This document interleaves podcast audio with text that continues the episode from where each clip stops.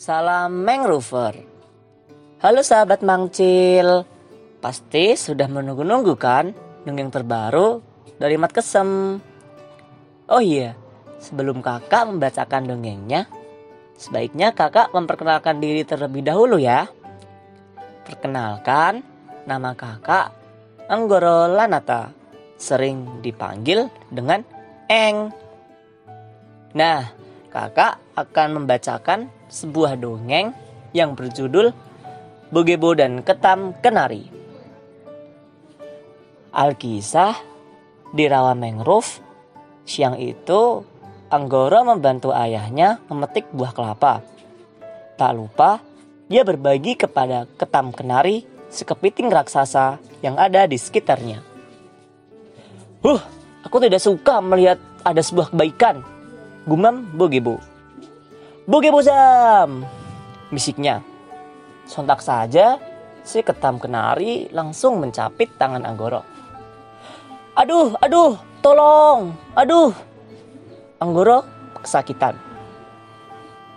Papa kadabra, kata peri popapu yang kebetulan melintas. Wus, ketam kenari langsung melepaskan capitannya dari Anggoro dan berbalik mencapit tangannya Bugibu. Au, ampun ya kau popapu, kau selalu mengganggu kesenanganku.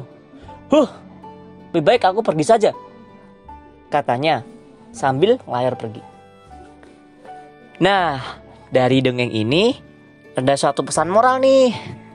Pesan moralnya yaitu buat sahabat mangcil, di mana pun kita berada, kita tidak boleh melakukan suatu kejahatan, melainkan kita harus selalu berbuat baik kepada sesama.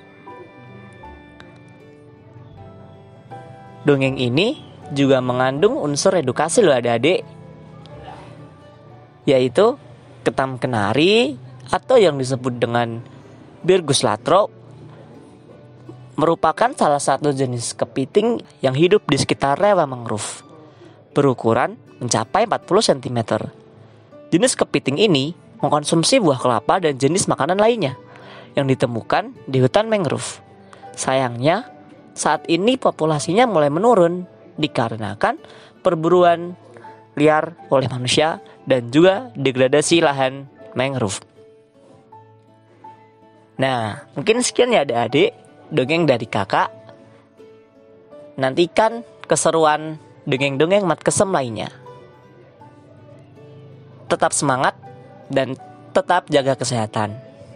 Salam mangrover.